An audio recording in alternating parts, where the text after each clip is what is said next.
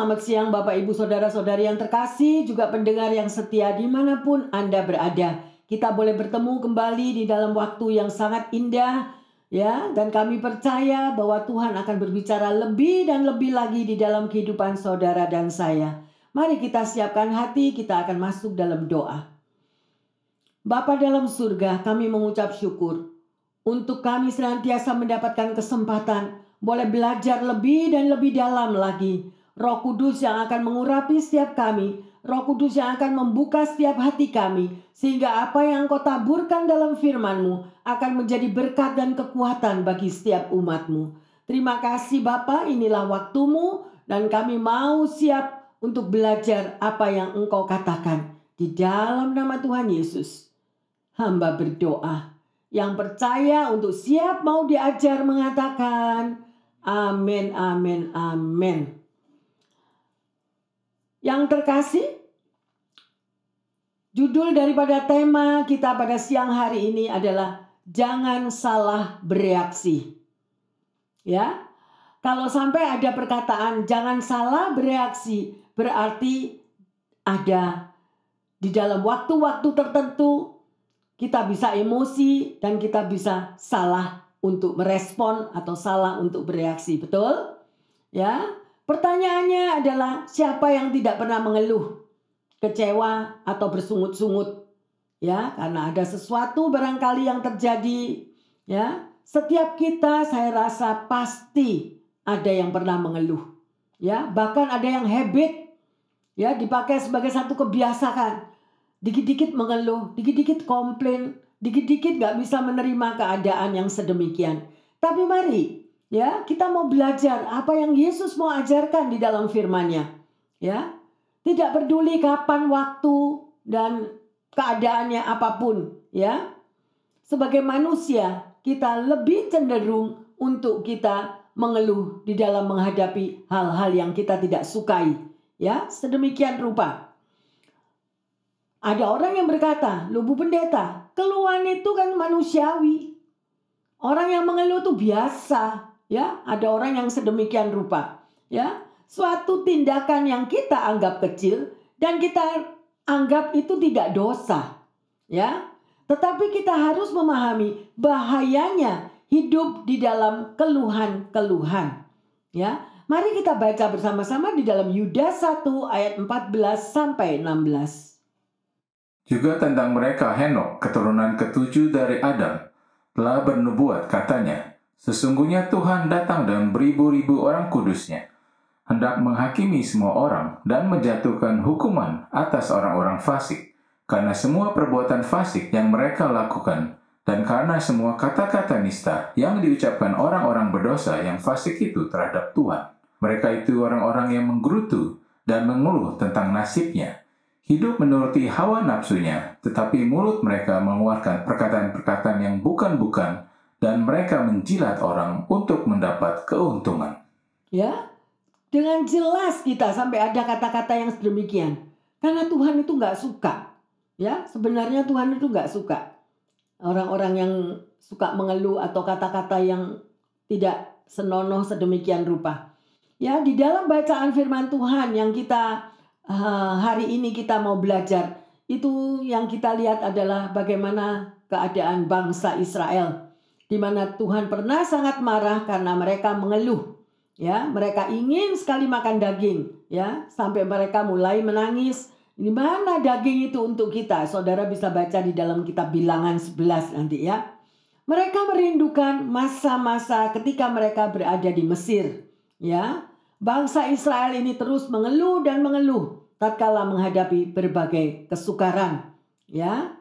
Jadi, keluhan-keluhan itu menyebabkan mereka tidak bisa menikmati janji Tuhan.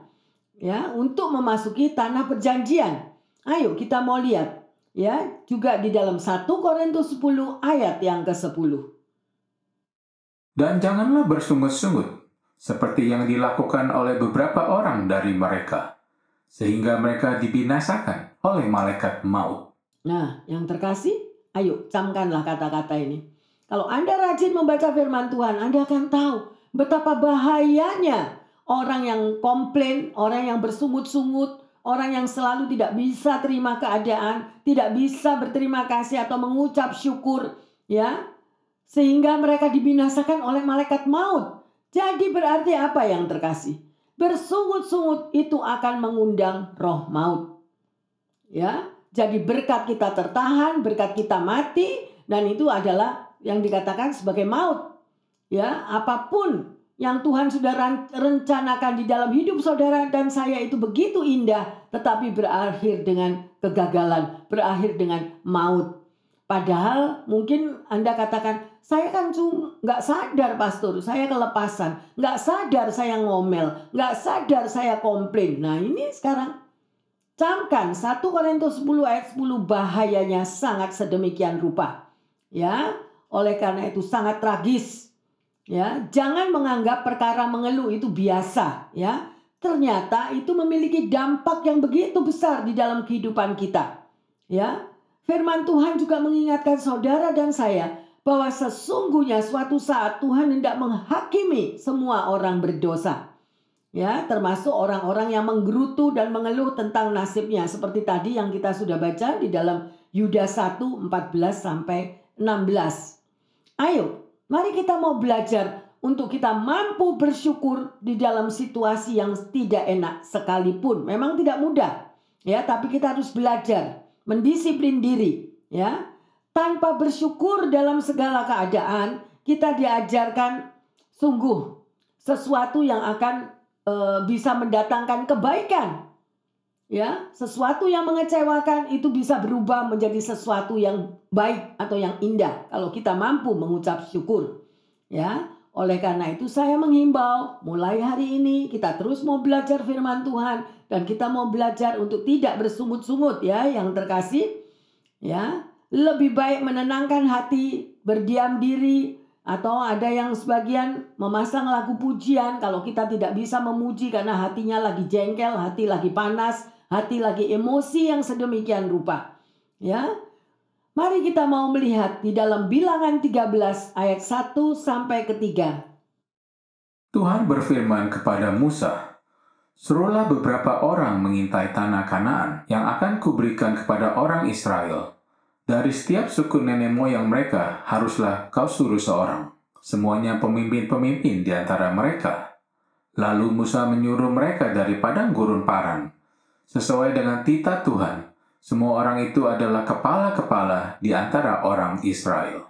Di sini kita bisa melihat ya yang terkasih, kalau ada beberapa daripada teman-teman kita yang sudah pernah pergi ke Israel, mereka akan melihat ada satu padang gurun yang bernama padang gurun Paran. Ya. Kalau dilihat di peta, ada beberapa kejadian penting yang ada di situ. Ya, salah satunya adalah pada waktu Musa memukul batu di padang gurun Paran ini dan di situlah Tuhan marah. Ya, dan Musa tidak boleh lagi masuk ke tanah perjanjian. Tuhan mengutus Musa untuk mengirim 12 pengintai di sini yang merupakan titik penentuan ya sedemikian rupa di mana Tuhan tidak mengizinkan yang 10 orang itu masuk tetapi hanya dua orang yang masuk Saudara bisa baca ya. Oleh karena itu, padang gur padang dikatakan padang gurun paran ini sebetulnya suatu tempat penentuan, suatu tempat di mana Tuhan beracara. Di dalam Bilangan 13 ayat 27 sampai 29 saya baca, mereka itu disuruh mengintai ya yang terkasih 12 orang pengintai ini ya. Ada yang sebagian mengatakan tempat itu berlimpah-limpah susu dan madunya, begitu indahnya. Tapi, nah ini loh, ada tapinya. But, nah, masih ada komplainnya. Ya. Ada orang yang Tuhan berikan anaknya lahir begitu sehat, begitu indah, cakep, pandai. Pada waktu bertemu dengan temannya dan temannya memuji anaknya, aduh, anak kamu sehat banget, anak kamu lucu banget. Nah, si ibu yang anaknya dipuji mulai mengomentarinya. Iya, anak ini uh, apa? Memang pandai, tetapi nakalnya luar biasa. Nah, selalu ada kata-kata yang negatif. Anak ini cerdik, anak ini ini, tapi ini ini ini ini ini. Ayo kita koreksi diri para orang tua. Ya, bukannya melihat bagaimana Tuhan sudah mengaruniakan. Itu titipan Tuhan. Anak-anak kita itu titipan Tuhan. Ya, jangan sekali-sekali kita mengatakan anak ini begini, anak ini begitu, ya. Ya, itu karena akan menjadi satu kenyataan nanti. Ya. Mari kita mau melihat kembali yang terkasih. Bagaimana ke-12 pengintai tadi ya atau orang Mesir yang lagi orang Israel yang lagi berjalan untuk keluar dari tempat itu. Hanya tinggal beberapa saat lagi, hanya tinggal beberapa jam lagi mereka akan masuk ya untuk mendapatkan daripada tanah perjanjian tersebut. Tetapi yang hasilnya adalah mengecewakan. Mengapa? Karena persungutan mereka. Dari mana saudara tahu? Ayo baca bilangan 14, 20 sampai 24. Berfirmanlah Tuhan, Aku mengampuninya sesuai dengan permintaanmu. Hanya demi aku yang hidup dan kemuliaan Tuhan memenuhi seluruh bumi. Semua orang yang telah melihat kemuliaanku dan tanda-tanda mujizat yang kuperbuat di Mesir dan di padang gurun. Namun sepuluh kali mencobai aku dan tidak mau mendengarkan suaraku. Pastilah tidak akan melihat negeri yang kujanjikan dengan bersumpah kepada nenek moyang mereka. Semua yang menista aku ini tidak akan melihatnya.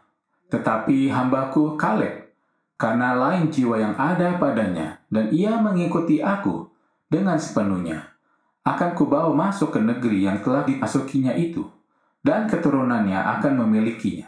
Haleluya, yang terkasih di sini kita bisa melihat ya, bagaimana pada ayat Uh, coba dibuka pada ayat yang ke-23 di sini. Ya. Pastilah tidak akan melihat negeri yang kujanjikan bersumpah kepada nenek moyang mereka. Karena apa? Semua yang menista aku ini tidak akan melihatnya. Makanya hati-hati dengan mulut, hati-hati dengan perkataan. Ya, kadang-kadang kita merasa kecewa, Tuhan tidak menjawab sesuai dengan kehendak kita. Kemudian kita mulai mengeluh, kadang-kadang kita mengeluarkan perkataan yang tidak-tidak dan itu semuanya tercatat dan Tuhan dengar loh. Apa yang saudara dan saya ucapkan ini Tuhan dengar. Oleh karena itu berhati-hatilah di dalam kita berbicara. Ya, oleh karena itu kalau ada orang yang mengatakan Bu Pendeta doa saya nggak dijawab-jawab. Berapa tahun saya sudah berdoa tapi nggak pernah dijawab. Ayo koreksi diri. Ya, ada doa-doa yang terhalang yang sedemikian rupa. Ya. Sehingga terjadi penundaan-penundaan di mana jawaban doa yang semestinya sudah dapat terjadi yang terkasih. Ya. Reaksi daripada 10 orang tadi kita bisa melihat. Reaksi yang mengeluh. Ya. Sedemikian rupa. Memang bagus tempatnya. Tapi aku melihat raksasa-raksasa. Aku melihat yang ini, yang itu. Nah sedemikian rupa. Ayo mulai sekarang sebagai anak-anak Tuhan berawas-awaslah kalau kita berbicara. Amin. Ya, lebih baik kita mengucap syukur. Misalnya doa kita belum dijawab, kita bisa ubah kata-kata penantian kita. Mungkin di dalam hati ini kita kecewa. Tapi kita mau percaya kalau ada satu penundaan, berarti ada sesuatu apa pun yang kita belum benar di hadapan Tuhan. Betul? Ya, oleh karena itu stop, usahakan. Memang itu mendisiplin untuk kita tidak bereaksi negatif itu sulit. Karena udah kebiasaan. Ya, manusia daging kita lah ini loh. Manusia daging kita itu harus dikontrol, harus ditundukkan. Manusia rohani kita yang harus kita beri makan terus dan belajarlah akan firman Tuhan. Ya. Lebih lebih baik kita mau ya mentaati apa yang Tuhan firmankan daripada kita tertunda. Seperti orang Israel Mesia cuma 40 hari menjadi 40 tahun. Padahal itu tinggal selangkah lagi loh udah masuk tanah perjanjian. Sampai bisa berputar yang sedemikian rupa. Ya oleh karena itu manusia daging harus kita tundukkan. Amin yang terkasih. Ya sedemikian rupa. Ya mengeluh kita tahu sekarang itu mengundang satu roh kematian. Artinya apa? Mati rohani, mati uh, blessingnya, mati jawaban doa, semuanya menjadi tertunda. Jangan mau lagi karena ini yang berbicara adalah Alkitab. Kalau semua yang tertulis di dalam Alkitab itu ya dan amin. Pegang tadi 1 Korintus 10 ayat 10. Ya, luar biasa sedemikian rupa. Ya, apa pun yang Tuhan sudah promosikan kepada Anda. Ya, Tuhan sudah promosikan. Tuhan sudah memberikan vision. Ya, kamu akan dipromosi, kamu akan naik jabatan, kamu akan pindah pekerjaan, kamu akan mendapatkan blessing sedemikian rupa. Tetapi Tuhan itu selalu melihat hatimu dan hatiku. Kalau di hati kita ini ada panas hati, kita komplain, kita nggak suka ada orang yang mengatai kita, kita nggak suka ada orang yang mempunyai rancangan-rancangan yang yang uh, negatif dalam hidup kita. Langsung kita bereaksi marah, sekalipun kita belum bertindak, tapi marah itu sudah ada di dalam hati kita, maka itu pun jawaban akan tertunda. Ya, karena Tuhan selalu bekerja dengan hati yang terkasih. Ya, ayo kita lihat di dalam Bilangan 16 ayat 1 dan 2. Korah bin Yihar bin Kehat bin Lewi beserta Datan dan Abiram, anak-anak Eliab, dan On bin Pelek, ketiganya orang-orang Ruben, mengajak orang-orang untuk memberontak melawan Musa, beserta 250 orang Israel, pemimpin-pemimpin umat itu, yaitu orang-orang yang dipilih oleh rapat, semuanya orang-orang yang kenamaan. Ya, di sini kita bisa melihat ya bagaimana semuanya itu uh, mereka memberontak untuk melawan Musa. Kita lanjut di dalam Bilangan 16 ayat 20 dan 21 kemudian 24 sampai 26. Lalu berfirmanlah Tuhan kepada Musa dan Harun, Pisahkanlah dirimu dari tengah-tengah umat ini, supaya kuhancurkan mereka dalam sekejap mata. Katakanlah kepada umat itu, pergilah dari sekeliling tempat kediaman Korah, Datan, dan Abiram. Lalu pergilah Musa kepada Datan dan Abiram, dan para tua-tua Israel mengikuti dia. Berkatalah ia kepada umat itu, Baiklah kamu menjauhi dari kemah orang-orang fasik ini, dan janganlah kamu kena kepada sesuatu apa pun dari kepunyaan mereka supaya kamu jangan mati lenyap oleh karena segala dosa mereka. Ya, oleh karena itu yang terkasih berhati-hatilah. Berhati-hati di dalam perkataan kita. Berhati-hatilah kalau kita membenci seseorang. Berhati-hatilah kalau kita itu mengata-ngatai orang lain hanya untuk memuaskan ya daging kita hanya untuk memuaskan kita merasa puas kalau bisa memaki-maki kita bisa puas kalau kita gebrak-gebrak ya itu semuanya tercatat di dalam Tuhan. Dan kalau hal itu sudah terjadi, apa pun yang terkasih, kita masih merasa benar, ya, jangan harap akan ada jawaban doa. Jangan harap ada promosi di dalam kehidupan. Jangan harap yang terkasih. Ya karena ini firman Tuhan oleh karena itu kita diajar sebagai anak-anak Tuhan. Kita ini adalah seorang murid yang mau diajar dan dididik dan dibentuk. Kalau untuk mau diberitahu aja, kita sulit. Ya, selalu membantah, selalu ada alasan, selalu ada pemberontakan, ada harga yang harus dibayar. Demikian kita lihat tadi daripada Korah, Datan, dan Abram yang memberontak, ngomel dia melawan hamba Tuhan, yaitu Musa dan Harun. Ya, padahal sudah diingatkan oleh Tuhan. Mari kita lanjut di dalam Mazmur 105 ayat yang ke-15. Jangan mengusik orang-orang yang kuurapi, dan jangan berbuat jahat kepada nabi-nabiku. Haleluya. Di sini aja kita bisa melihat. Ya, ini juga tertulis. Untuk menjadi seorang hamba Tuhan aja yang benar itu sudah sulit, tanggung jawab begitu besar. Tetapi kalau kita mau membimbing, mau mendidik, ya, mau mendisiplin, mereka marah, mereka akan berurusan dengan Tuhan. Seperti dengan adanya Korah, Datan, dan Abiram tadi. Ya, oleh karena itu firman Tuhan itu sangat-sangat luar biasa untuk membimbing di dalam kehidupan Anda dan saya.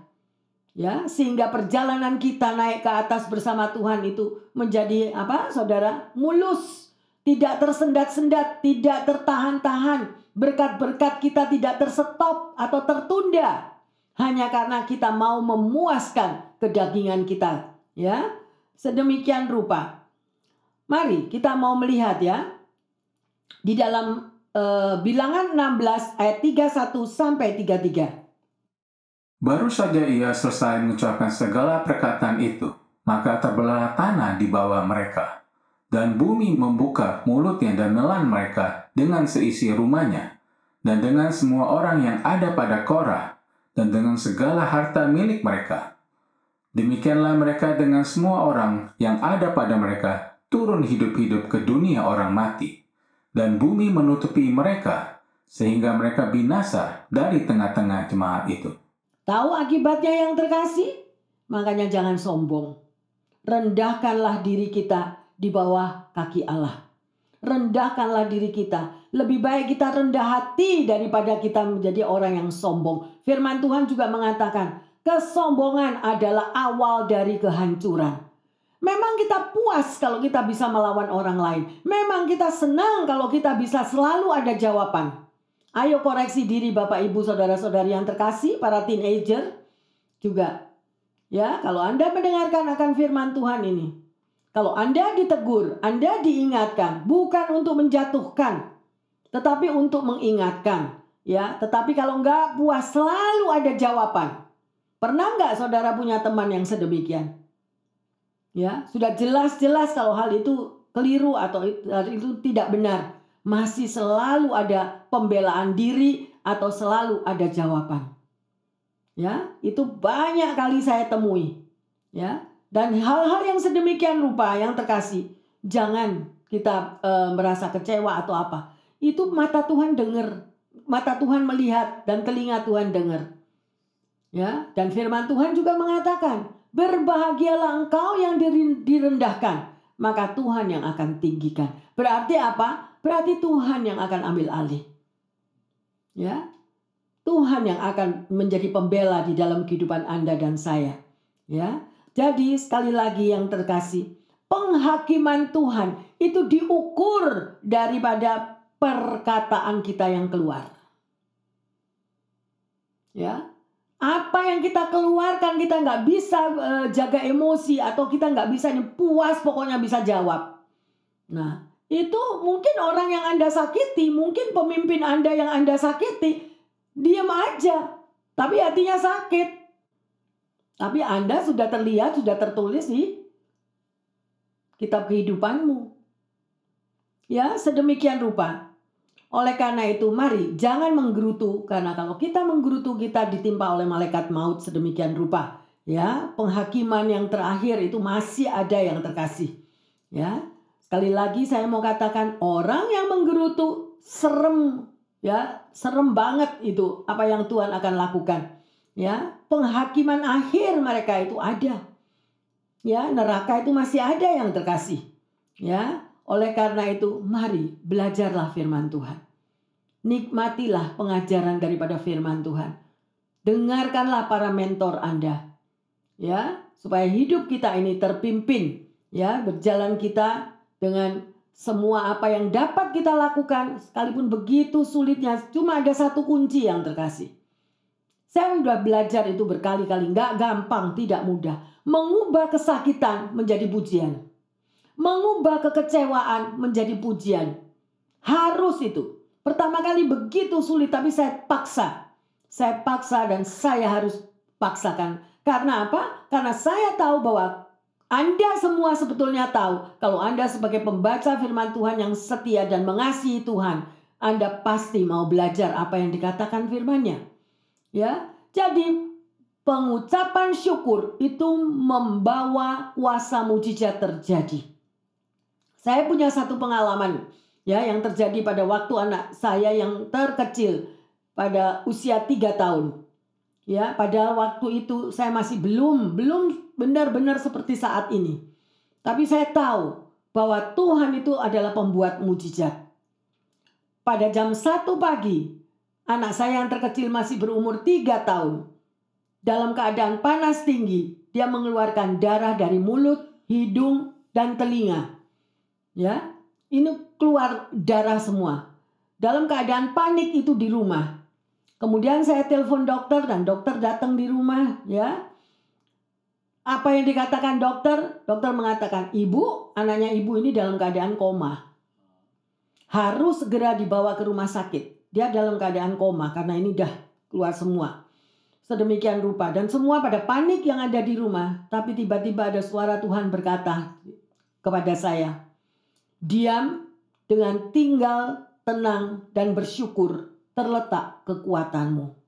Akhirnya saya menyuruh semua orang keluar dan saya masuk ke kamar, saya kunci, saya berlutut, saya gendong anak itu, kemudian saya serahkan kepada Tuhan. Saya bilang, Tuhan, anak ini adalah pemberian daripada Engkau. Dan pasti Engkau mempunyai rencana di dalam kehidupan anak ini, Tuhan. Kalau Engkau sudah memberikan kepadaku, Tuhan, aku percaya bahwa yang terbaik yang akan terjadi bagi anak ini. Aku mengucap syukur dan aku kembalikan di dalam tangan Tuhan. Aku percaya Tuhan. Aku mengucap syukur bahwa sesuatu mujizat akan terjadi. Karena anak ini adalah milikmu. Engkau tidak pernah merancangkan kecelakaan. Karena engkau sudah memberikan. Saya pegang itu. Tuhan kalau sudah kasih itu enggak 50%. Tuhan itu kalau kasih kepada setiap kita itu 100%. Tapi bisakah di dalam mulut kita itu kita mengucap syukur atau kita bisa ngomel? Tuhan kenapa? Anak ini sudah sakit kayak gini. Engkau kasih aku anak yang sakit ini gimana ini? Panik gak karu-karuan.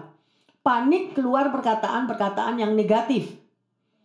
Ya, sedemikian rupa. Karena orang panik pasti nggak bisa pikirannya menjadi benar. Pikirannya pasti panik juga. Kita ngomel, Dikasih anak sakit lagi ini gimana ini terus mulai menyalahkan suami, menyalahkan siapa aja. Sedemikian rupa.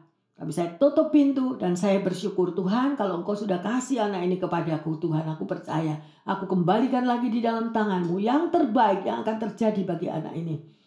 Akhirnya saya lap semuanya, saya ganti bajunya, saya apa. Kemudian anak ini tidur, Jenny ini tidur. Jam 4 pagi dia turun dari ranjang dan dia bilang, Mama lapar. Jam 4 pagi, hanya selang 3 jam. Masih gak percaya akan kuasa Tuhan? Kuasa Tuhan itu luar biasa yang terkasih. Kuasa mengucap syukur. Ya, saya nggak tahu keberadaan saudara pendengar yang setia di rumah. Apa yang Anda hadapi? Kesulitan ekonomi, kebangkrutan, tidak ada pekerjaan, anak yang sakit atau apa pun, nomor satu jangan komplain, stop, jangan bersungut-sungut, uh, stop katakan Tuhan, I don't understand, but I trust you. Lebih baik kita katakan sedemikian, Tuhan aku nggak ngerti, aku nggak ngerti kenapa ini silih berganti, nggak ngerti. Hanya orang yang mengalami yang bisa cerita. Kalau orang tidak pernah mengalami nggak bisa ngomong. Karena mengalami dan karena melihat apa di dalam keadaan setekanan begitu rupa. Ya, tekanan ada, ada tekanan. Tapi Tuhan mau di dalam tekanan yang sedemikian rupa kita percaya pada Tuhan. Karena nafas hidup kita ini dari Tuhan.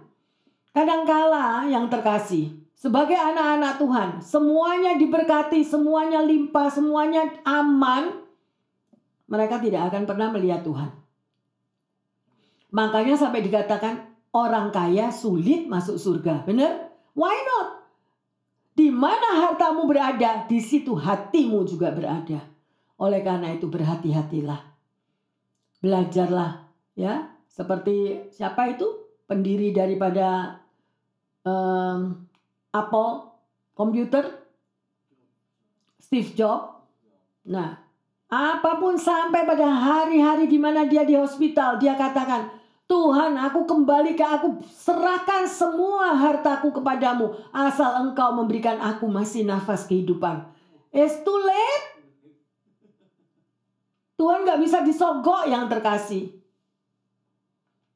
Hati-hati. Saya mau ingatkan di sini saya tidak akan uh, apa membahas tentang baptisan api. Baptisan api itu ada yang terkasih. Dan saya sering mendampingi mereka-mereka yang menjalani di dalam baptisan api. Karena pada waktu masih sehat, pada waktu masih memiliki segala-galanya, diproses itu komplain, diproses nggak mau, di, pelepasan tidak mau, apa pun tidak mau, bayarnya waktu mau pulang. Kalau sudah napas seperti kereta api, lidah keluar sampai ke dada, puluhan pendeta sudah mengelilinginya, tetap gak bisa jalan. Di mana ada roh maut yang mempermainkan. Berhati-hatilah, jangan sombong. Kita hidup ini cuma sesaat loh yang terkasih. Kita hidup ini cuma sebentar. Semua bakal pulang. Ayo, Belajar untuk mengucap syukur. Jangan salah bereaksi. Jangan salah bereaksi. Ya, lebih baik kita menyerah. Lebih baik di dalam hari-hari kita masih diberikan nafas hidup. Beri yang terbaik untuk Tuhan. Ya, apa saja yang kita lakukan yang terbaik. Semuanya serba ekstra, ekstra terbaik, ekstra bekerja, ekstra apa pun. Kadang-kadang memang sakit itu butuh pengorbanan. Tanpa pengorbanan gak bisa kita mengasihi musuh kita. Gak bisa. Gak mudah. Untuk mengasihi orang yang tidak kita sukai. Tidak mudah. Hanya untuk penundukan diri. Karena kalau kita tidak bisa berarti kita ini sombong. Tuhan gak mau orang sombong yang terkasih. Ayo kita mau belajar ya sedemikian rupa. Ada seseorang yang eh, menceritakan di dalam kehidupan pada waktu semuanya itu bangkrut keadaannya. Ya, mereka mengalami, mereka mengalami kebangkrutan di satu negara. Saya nggak sebut negara mana. Sampai dari seorang miliarder akhirnya menjadi uh, naik bus turun bus. Miliarder loh naik bus turun bus dan pada waktu itu anaknya karena dia ini anak, anak wanita ini adalah uh, anak miliarder pacaran dengan anaknya seorang pria juga anaknya miliarder jadi sama-sama orang konglomerat dua-dua sudah mau um, menikah tapi pada waktu dari grup wanita ini mereka bankrupt akhirnya putuslah hubungan mereka ini. Akhirnya yang cewek ini berangkatlah pergi ke negara yang lain. Ya karena dengan hancur hati dia melihat orang tuanya bankrupt sudah nggak bisa dia bilang aku harus bisa mengangkat orang tuaku. Tuhan aku nggak tahu tapi aku mengucap syukur kepadamu Tuhan engkau akan angkat kembali orang tuaku. Engkau akan angkat kembali hidupku. Akhirnya si cewek ini berangkatlah ke satu negara yang lain. Dan di dalam negara yang lain itu dia mulai bekerja dari siru menjadi seorang uh, penjual donat. Dari seorang penjual donat, dari jual makanan dari jam 4 pagi, selesai jam 11. Jam 12 dia kerja lagi di uh, fast food, pulang jam 10 malam dan itulah sedemikian rupa. Tapi pada satu hari Tuhan mengubah hidupnya. Di mana dia akhirnya dikenalkan dengan seseorang miliarder dari negara itu dan itu adalah anak dari orang nomor satu di negara itu dan akhirnya mereka menikah. Kisah nyata loh ini, saya cuma tidak mau sebut nama. Kisah nyata. Tapi ada hal-hal yang harus kita bayar masuk padang gurun yang begitu parah. Tapi di mana mereka begitu uh, dihina habis-habisan, mereka tetap bisa mengucap syukur. Tuhan aku percaya satu hari engkau akan membuat indah dalam hidupku. Akhirnya mereka loh nggak tahu Tuhan angkat toh dengan cara yang bagaimana. Ya, anaknya yang putri tadi berangkat ke luar negeri mm, dari seorang bekerja di tukang donat sampai di restoran sampai satu hari Tuhan angkat hidupnya. Dan itu benar-benar ada. Biarlah hidup kita ini dipromosikan oleh Tuhan yang terkasih. Jangan memakai kekuatan kita sendiri. Oleh karena itu berhati-hatilah. Jangan merendahkan orang yang lagi terpuruk. Karena hidup itu bisa diubah. Betul? Hidup itu bisa di bawah, bisa di atas. Jangan menghina orang. Jangan merendahkan orang. Ya, karena kita tidak tahu bagaimana nasib orang itu nanti. Karena setiap daripada kita biji mata Tuhan kalau kita benar-benar mengasihi Tuhan. Ada amin yang terkasih? Jadi sekali lagi saya katakan gantilah segala komplain kita. jangan salah bereaksi. Jangan lagi kita ini mau mengatakan sesuatu karena kita tidak puas kalau kita nggak maki-maki orang. Tidak puas kalau kita tidak gosip orang. Ya, tidak puas sedemikian rupa apa saja selalu dikomplain. Sudah jadi bosi di atas segala bos. Nah, itu. Akhirnya apa? Nah, kita nggak tahu. Ya, dan ada satu yang luar biasa yang terkasih. Kita, uh, saya mendapatkan satu cerita yang luar biasa indahnya, aneh tapi nyata. Aneh betul-betul bisa terjadi secara mata daging mata manusia. Ya, saya mendengar cerita ini dari seorang pendeta juga di dalam satu gereja itu uh, ada seorang pria bujang gantengnya luar biasa kayak bintang film ya dan semua wanita yang di situ termasuk tante-tante juga seneng sama dia bukan negatif ya seneng karena mau dijadiin mantu maksudnya ya bukan buat si tante gantengnya luar biasa juga kaya loh Sedemikian. Kemudian di dalam gereja itu ada seorang wanita. Dia itu mau dibilang bunga mau ngatain gimana? Jeleknya luar biasa. Ya, karena dia lahir cacat.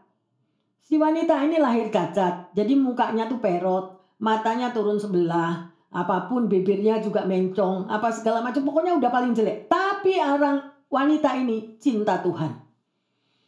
Cinta Tuhan luar biasa dan dia tetap melayani, dia tidak merasa rendah diri, dia tidak merasa uh, apa malu atau apa pun. Pokoknya dia selalu di mana-mana dia selalu uh, mengagungkan Tuhan. Di dalam yang sedemikian rupa keadaan tersebut sudah mulai gosip tentang pria bujang yang ganteng luar biasa itu tadi. Oh, ini pasti gay. Kok kenapa ndak ada yang mau sama dia gitu ya? Dianggap homo, dianggap apa-apapun karena kok tidak pernah mau dekat sama wanita gitu.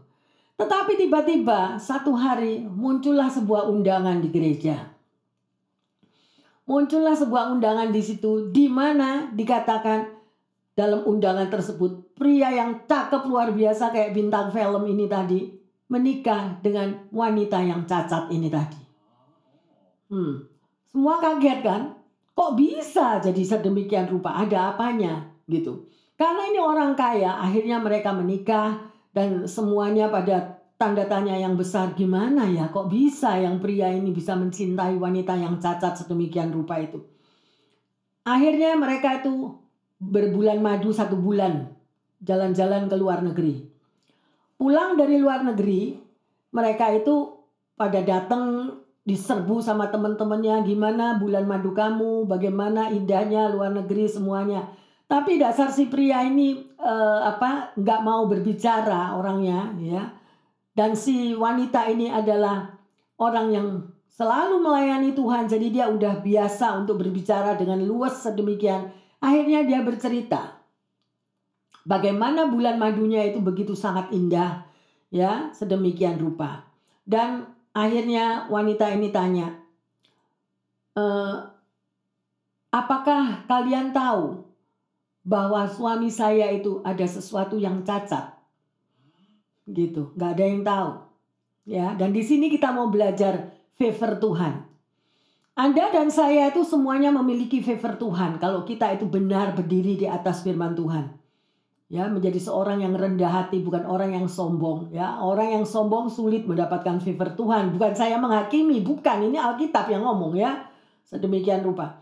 Dan akhirnya si istri tadi yang sudah jadi istrinya orang kaya ini tadi dia bilang kalian nggak pernah tahu bahwa suami saya itu mempunyai uh, cacat ada sesuatu yang cacat di dalam dirinya semua akhirnya kaget sampai pendetanya pun kaget tanya cacat apa? Dan akhirnya si istri mengatakan, iya, dia cacat pada retina matanya. Jadi dalam matanya cacat. Jadi di dalam uh, retina yang cacat yang sedemikian rupa itu, ya, apa pun yang dia lihat sesuatu yang lempeng itu jadi berbelok, apa yang dia lihat berbelok itu semuanya indah. Ngerti nggak? Ngerti nggak? Ya, jadi Tuhan itu luar biasa. Nah, dari luar kelihatannya begitu handsome sudah kalah bintang film yang sedemikian apa pun, ya. Tapi dia cacat pada kedua matanya. Lah matanya itu memiliki cacat, dia tidak bisa melihat hal-hal yang lempeng, hal-hal yang benar. Jadi yang dia lihat lempeng itu menjadi berbelok-belok, tapi yang tidak lem, lempeng semuanya itu begitu indah. Jadi mata si suami ini kalau melihat si cewek yang cacat itu cantiknya luar biasa. Nah, ngerti kan? Tapi kalau dilihat dari mata Tuhan, apa yang lihat? Hatinya yang indah. Hati daripada cewek ini adalah hati yang sangat indah, yang sedemikian rupa. Nah, ini loh kita bisa ngelihat favor Tuhan, betul? Ya, tapi secara mata manusia dagingnya enggak ada yang tahu. Saya mendengar cerita dari pendeta ini, saya tertawa juga. Saya melihat Tuhan luar biasa ya. Tuhan luar biasa. Sejauh mata Anda dan saya melihat kita nggak akan tahu, betul? Tapi mata Tuhan tahu. Dan Tuhan selalu menyediakan favor buat anak-anaknya. Ya, tapi kalau anak ini kita bisa lihat, anak yang cacat, wanita yang cacat ini, kalau dia dari dulunya dia lahir dalam keadaan cacat, dia terus komplain, dia terus mengasihani diri. Kenapa aku kok dilahirkan cacat? Kenapa aku kok dilahirkan orang tuaku begini, begitu? Apa pun dia selalu komplain, maka dia tidak akan memiliki hari depan. Betul? Tapi karena dia selalu bersyukur dan dia selalu melayani Tuhan sedemikian rupa tanpa pamrih, tanpa perjuangan yang apa pun dia tidak mau. Ya, tidak ada kata-kata merasa berat. Nah, favor Tuhan turun atas dia. Yang terkasih, suatu cerita yang sungguh-sungguh bukan dibuat-buat dan ini kisah nyata. Ya, apa pun bagi Tuhan tidak ada yang mustahil. Oleh karena itu, mari kita berkaca. Sudahkah hidupku ini sesuai dengan apa yang Tuhan mau. Ya, karena Tuhan itu tidak ada yang mustahil yang terkasih. Ya, sedemikian rupa. Ya, jadi si suami tadi itu sejak kecil itu nggak pernah bisa lihat garis lurus itu nggak bisa. Itu cacatnya yang ada di matanya. Ya, ya dokternya aja nggak tahu kok. ya pasti sudah orang kaya. Ya toh sedemikian rupa. Jadi sekarang kita bisa melihat bagaimana kalau pria ini tadi melihat cewek cantik. Ya, nah sedemikian rupa. Jadi yang cantik itu jadi bengkok semua. Nah, yang bengkok itu jadi yang cantik yang sedemikian di dunia. Hmm, the most beautiful one in the world. Coba suaminya kalau ngomong istrinya. Padahal itu cacat. Nah, sih masih percaya uh, Tuhan tidak bisa me mengubah apa pun yang terburuk, yang terjelek di dalam hidupmu Tuhan bisa ubah. Asal sesuai kita memiliki hati cinta Tuhan. Amin. Ya, luar biasa. Belajarlah untuk selalu mengucap syukur yang terkasih. Ya, tidak ada kata terlambat di dalam Tuhan. Karena untuk mendatangkan favor Tuhan, untuk mendatangkan itu sesuatu yang indah daripada Tuhan, grace ya, uh, kemurahan daripada Tuhan itu ada harga yang harus kita mau ikuti. Menjadi seorang yang rendah hati, tanpa komplain, tanpa bersungut-sungut, tidak self pity, tidak selalu menyalahkan orang lain sedemikian rupa, karena itu akan di apa? Malaikat maut akan menyergap atau malaikat maut akan mengambil daripada semuanya itu. Kita masih ingat nggak bagaimana Yesus memberi makan 5.000 orang? Dengan berapa? Apa yang dilakukan? Nah, lima roti dan dua ikan. Cukup nggak kasih makan lima ribu orang? Nah, sudah sangat amat tidak cukup. Ya, sedemikian. Tapi apa yang Yesus lakukan? Yesus mengucap syukur. Bapak, Ibu, Saudara-saudari yang terkasih, di mana pun Anda berada juga jemaat yang sayang Tuhan, kita sekarang tahu. Rubahlah. Stop mulai sekarang. Untuk lagi tidak mencari kesalahan orang lain, tidak lagi untuk bersungut-sungut, tidak lagi untuk kita mau komplain, maka semuanya itu kita akan menunda, terjadi penundaan, penundaan, penundaan terus. 40 hari jadi 40 tahun loh. Jangan mau, saya nggak mau. Aduh, ya, seberapa kita mau melihat kasih Bapa yang luar biasa. Jadi, di dalam mengucap syukur, pasti ada mujizat. Ada amin. Haleluya. Hari ini kita sudah belajar yang terkasih, jangan salah bereaksi. Ya, pertanyaannya, apakah kita menganggap bahwa sifat mengeluh adalah perkara yang biasa? Ayo, koreksi diri. Ya. Bagaimana firman Tuhan memandang saudara dan saya di dalam hal-hal kita sering mengeluh. Ya. Dan sebagai ayat emas, ayo kita baca Kolose 3 ayat yang ke-17. Dan segala sesuatu yang kamu lakukan dengan perkataan atau perbuatan, lakukanlah semuanya itu dalam nama Tuhan Yesus, sambil mengucap syukur oleh Dia kepada Allah Bapa kita. Haleluya ya. Jadi segala sesuatu yang kita lakukan, baik dengan perkataan atau perbuatan, kita harus tahu kita lakukan semua untuk siapa? Tuhan Yesus. Sambil apa? Mengucap syukur. Ada orang yang kerja, kerja ya kerja tapi ngomel terus. Nah itu hilang udah berkatnya. Ya, kita mau berubah yang terkasih. Sekali lagi saya katakan, jangan salah bereaksi. Hidup adalah kesempatan. Raihlah berkat-berkat yang luar biasa yang Tuhan sudah promosikan di dalam hidup saudara dan saya. Amin. Tuhan Yesus, kami berterima kasih sebab Engkau selalu baik dan bahwasanya Engkau mau mengajarkan kepada kami akan jalan-jalanmu sehingga kami tidak salah melangkah, sehingga kami tidak salah bereaksi di dalam menghidupi perjalanan kami ke depan ini ya Bapa. Ampuni segala kesalahan dosa kami, Ampuni kalau kami sering kali terbawa oleh perasaan kami sehingga kami selalu jatuh di dalam menghakimi, jatuh di dalam segala eh, kata-kata yang menggerutu, bersungut-sungut ya Tuhan, ampuni dan ampuni. Berikan kami senantiasa Tuhan untuk mau berawas-awas, untuk tidak salah di dalam melakukan perkataan, mengeluarkan perkataan apa pun Tuhan. Tidak ada lagi kata-kata yang bersungut-sungut Tuhan, tetapi kami mau belajar untuk mengucap syukur di dalam segala perkara. Karena kami percaya bahwa di dalam kami bersyukur Tuhan selalu ada mujizat yang Engkau sediakan. Terima kasih Bapak, apa pun keadaannya kami mau Tuhan untuk selalu mengucap syukur seperti yang Engkau ajarkan. Bapak, biarlah firman yang ditaburkan ini menjadi berkat dan kekuatan bagi pendengar yang setia, bagi jemaat di mana pun mereka berada Tuhan. Nyatakanlah Tuhan, bagi mereka yang saat ini membutuhkan Tuhan kesembuhan, akan keberadaan Tuhan di dalam sakit penyakit, di dalam keadaan ekonomi mereka Tuhan, pekerjaan atau hubungan Tuhan di dalam keluarga rumah tangga mereka. Bapak, Engkau mampu Tuhan. Kami mau tetap mengucap syukur bahwa Tuhan akan membuat indah pada waktunya. Terima kasih Tuhan Yesus. Terima kasih di dalam nama Tuhan Yesus. Hamba berdoa dan mengucap syukur. Haleluya, haleluya. Bapak Ibu pendengar yang terkasih, ya, fokuslah selalu kepada hal-hal yang baik yang Tuhan sudah karuniakan.